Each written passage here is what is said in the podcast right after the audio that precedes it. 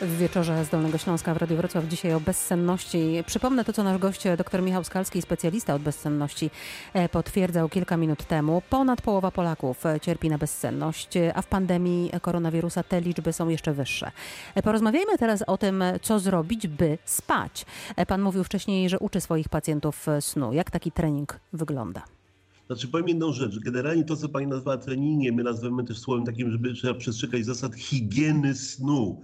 I pod tym hasłem myślę w internecie będzie sporo, bo ja mówię, ja nie ukrywam y, z tych swoich różnych informacji, artykułów, więc można wszystko, wszystkie informacje, instrukcje znaleźć. Mogę nawet powiedzieć, że również y, też stworzyliśmy tutaj z, z kolegami taką aplikację do nauki bezsenności na internet, bo to jak pani widzi teraz ta telemedycyna, telewywiady są wręcz powszechne, więc ten też dostęp do psychoterapeuty jest utrudniony, zresztą jest też kosztowny, więc, więc można taką aplikację znaleźć i ją powtarzać, ale, ale w skrócie mówiąc tak, znaczy, bo, a jeszcze też dam jedną uwagę, uwagę, zanim powiem o tych deserach, dlatego że okazało się, no dlaczego uczę? Znaczy, mówię, te moje 40-paroletnie doświadczenie ze STEM pokazały, że najważniejszym, trochę tak jak przy odchudzaniu grubasa, najważniejsza jest dieta i ruch, tak samo tutaj. Znaczy, oczywiście leki są ważne, no trochę tak jak, nie wiem, jeśli ktoś ma złamaną nogę, nie wiem, chorujący ząb, to musi te leki brać, żeby nie zwariować z tego bólu, no ale wiadomo, że te leki przeciwbólowe ani chorego zęba, ani złamanej nogi nie wyleczą, tylko potrzebne jest systematyczne leczenie, przy tej nodze potem rehabilitacja. I tym jest ta higiena snu. Najważniejsze elementy to jest takie nie zmuszać się do spania czyli wsłuchaj się w swój własny zegar. Czyli pierwsze zalecenie, kiedy chodzę spać? Ja często z pacjentami mówię, jak panu się wydaje, kiedy człowiek powinien chodzić spać? Wtedy, kiedy jest śpiący, koniec, kropka. Ja nawet często jeszcze dodaję, że jeśli pani, pani narzeka na problemy z zasypianiem, to jest pani wina. Dlatego, że jeśli pani mózg chce zacząć o pierwszej, to chodzę spać o pierwszej. Wtedy chodzenie do łóżka o 23 jest po prostu błędem. Oczywiście jest to przedmiotem rozważania. Dlaczego było tak, że jeszcze miesiąc temu zasypiałem o 23, a teraz od miesiąca dopiero zasypiam o pierwszej? Czy jest to koronawirus, czy to jeszcze coś innego? Ale niezależnie niezależnie od tego, co mi spowodowało te problemy z zasypianiem, chodzę spać, jak jestem śpiąca. I wstaję z łóżka zaraz po przebudzeniu i nie lewy w łóżku, jak nie ma spania. To są trzy podstawowe elementy. Oczywiście, jak sobie łatwo policzymy, to się przełożą pewnie na to, że wtedy, kiedy cierpię na bezsenność, to krócej leżę w łóżku. Pacjenci są zresztą o Jezu, jestem zmęczona. Ale mówię, dobrze, no jeśli jest Pani zmęczona, to może Pani sobie potem leżeć w ciągu dnia. Pamiętając o tym, że im dłużej leżę w ciągu dnia, tym wtedy płycej i krócej śpię, ale wtedy ja leżę i odpoczywam. Mało tego, ja często mówię pacjentowi, że jeśli Pani nie może zasnąć wieczorem, bo jest Pani zmęczona, to proszę najpierw odpocząć odpoczynek już nie polega na tym, że ja zamykam oczy, zaciskam pięści i spróbuję zasnąć, tylko sobie oglądam telewizję, czytam jakieś, jakieś wesołe gazetki, słucham radia, bardzo wielu pacjentów to robi. Więc ja muszę najpierw się zrelaksować, wypocząć, dopiero potem idę spać.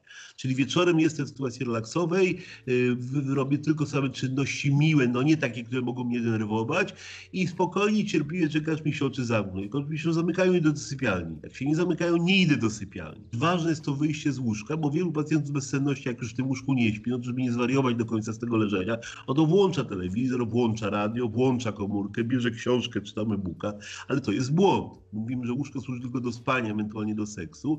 Nie wolno w łóżku wykonywać żadnych czynności związanych z czuwaniem. Jeśli obudzę się o trzeciej w nocy, powiedzmy poszłam do toalety, wróciłam i sen nie przychodzi, to nie wolno leżeć, zamykać oczu i starać się zasnąć, bo to utrudni zaśnięcie. Mówił pan, że sport i dobra dieta w ogromnym stopniu e, poprawiają jakość e, snu, a sport przed snem co do sportu, to jest sprawa jasna, dlatego że wiadomo, że intensywne wysiłki fizyczne trzeba zakończyć do 20. Czyli pamiętajmy o tym, że, znaczy oczywiście do 20, zależy o której chodzę spać.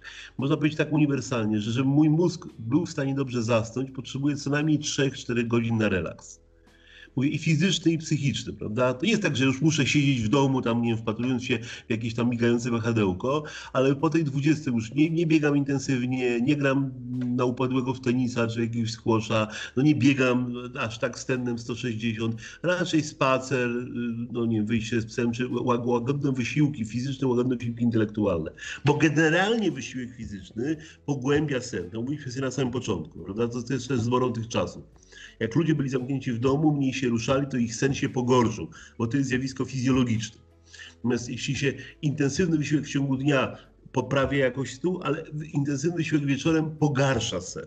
Czy ja tak sobie to planuję, bo pani opisała zjawisko bardzo powszechnie widoczne. Na przykład ja mówię, że często jest tak, że jak powiedzmy kończyłem pracę koło 20, jak sobie szedłem przez tą Warszawę, to te, te modne, te fitnessy, takie całe piętra tych, tych rowerków, bieżni, ludzi tam widać, że zmachanych. No, znaczy ja rozumiem, że ci ludzie dopiero też niedawno wyszli z pracy tak jak ja, no, ale ten styl życia na pewno im pogorszy sen. A co y, z aktywnością, która no, często odbywa się właśnie przed snem, czyli y, co z seksem? Z tego, co pan mówił, y, a aktywnością, to ja się obawiam, że również seks przed snem może pogarszać jakość snu. No to to jest dopuszczalne. To jest dopuszczalne. Czyli tak, jeśli pani pyta o zalecenia związane z higieną snu, to seks jak najbardziej. Mówimy, że łóżko służy tylko do spania i do seksu, prawda? Natomiast y, generalnie, jeśli w ogóle chodzi, pani pytała, jaki jest wpływ seksu na, e, na sen, no to odpowiedź nie jest niestety taka jednorodna, dlatego że, znaczy tak, jeśli chodzi o mężczyzn, z reguły seks wpływa pozytywnie. On działa relaksująco i, i, i no, to pewnie pani lepiej wie jako kobieta, że z reguły facet po seksie zasypia i to dosyć szybko. Natomiast z kobietami jest różnie I, i są kobiety, na które seks działa dobrze, a są też takie kobiety, w których seks tak naprawdę je rozbudza i potem zasnąć nie mogą. I to jest proces znowu zarówno biologiczny, jak i społeczny, jak i psychologiczny. Y, Tutaj no nie powiem, że jestem ekspertem od seksu kobiet, y, chodzi o to, muszę pytać prawie każdą pacjentkę, y, ale generalnie mam na przykład wrażenie, że, że główne, głównie na to wpływa nawet nie tam jakość seksu i tak dalej, tylko jakość związku partnerskiego, prawda, że jeśli ja idę spać, y, to nawet świadomie u kobiet, że jeśli nawet ja, się, ja leżę u boku ukochanego faceta, no to wtedy, wtedy mi się śpi dobrze. Jak ja leżę u boku faceta, którego nie kocham, albo którego no, darzę negatywnymi emocjami, na przykład brzydko pachnie, albo coś jeszcze, no to wtedy mi się śpi dużo gorzej. Dobrze, a lampka wina przed y, snem poprawia czy pogarsza sen? To już ostatnie pytanie. Tak. Znaczy pani powiem, no wino, czyli etanol, ma działanie uspokajające jak benzodiazepiny, natomiast ma tą wadę, że się bardzo szybko, szybko się eliminuje. No to, to, to słynny kas, który pewnie część słuchaczy doświadczała. To są objawy abstynencyjne, czyli wygłupianie się substancji. Czyli wpływem etanolu na sen jest tak, że on w małych ilościach y, przyspiesza zasypianie, ale wtedy, kiedy się drugiej połowie nocy eliminuje, to spłyca i skraca sen. Natomiast generalnie spożywanie alkoholu jako lekarstwa, czy na sen, czy na lęk, czy na stres, jest moim zdaniem niezdrowe. Bardzo dziękuję za rozmowę. Gościem wieczoru z Dolnego Śląska w Radiu Wrocław był psychiatra dr Marek, e, doktor, przepraszam, Michał Skalski, e, specjalista leczenia bezsenności. Dziękuję i oczywiście dobranoc. I dobrej nocy dla wszystkich.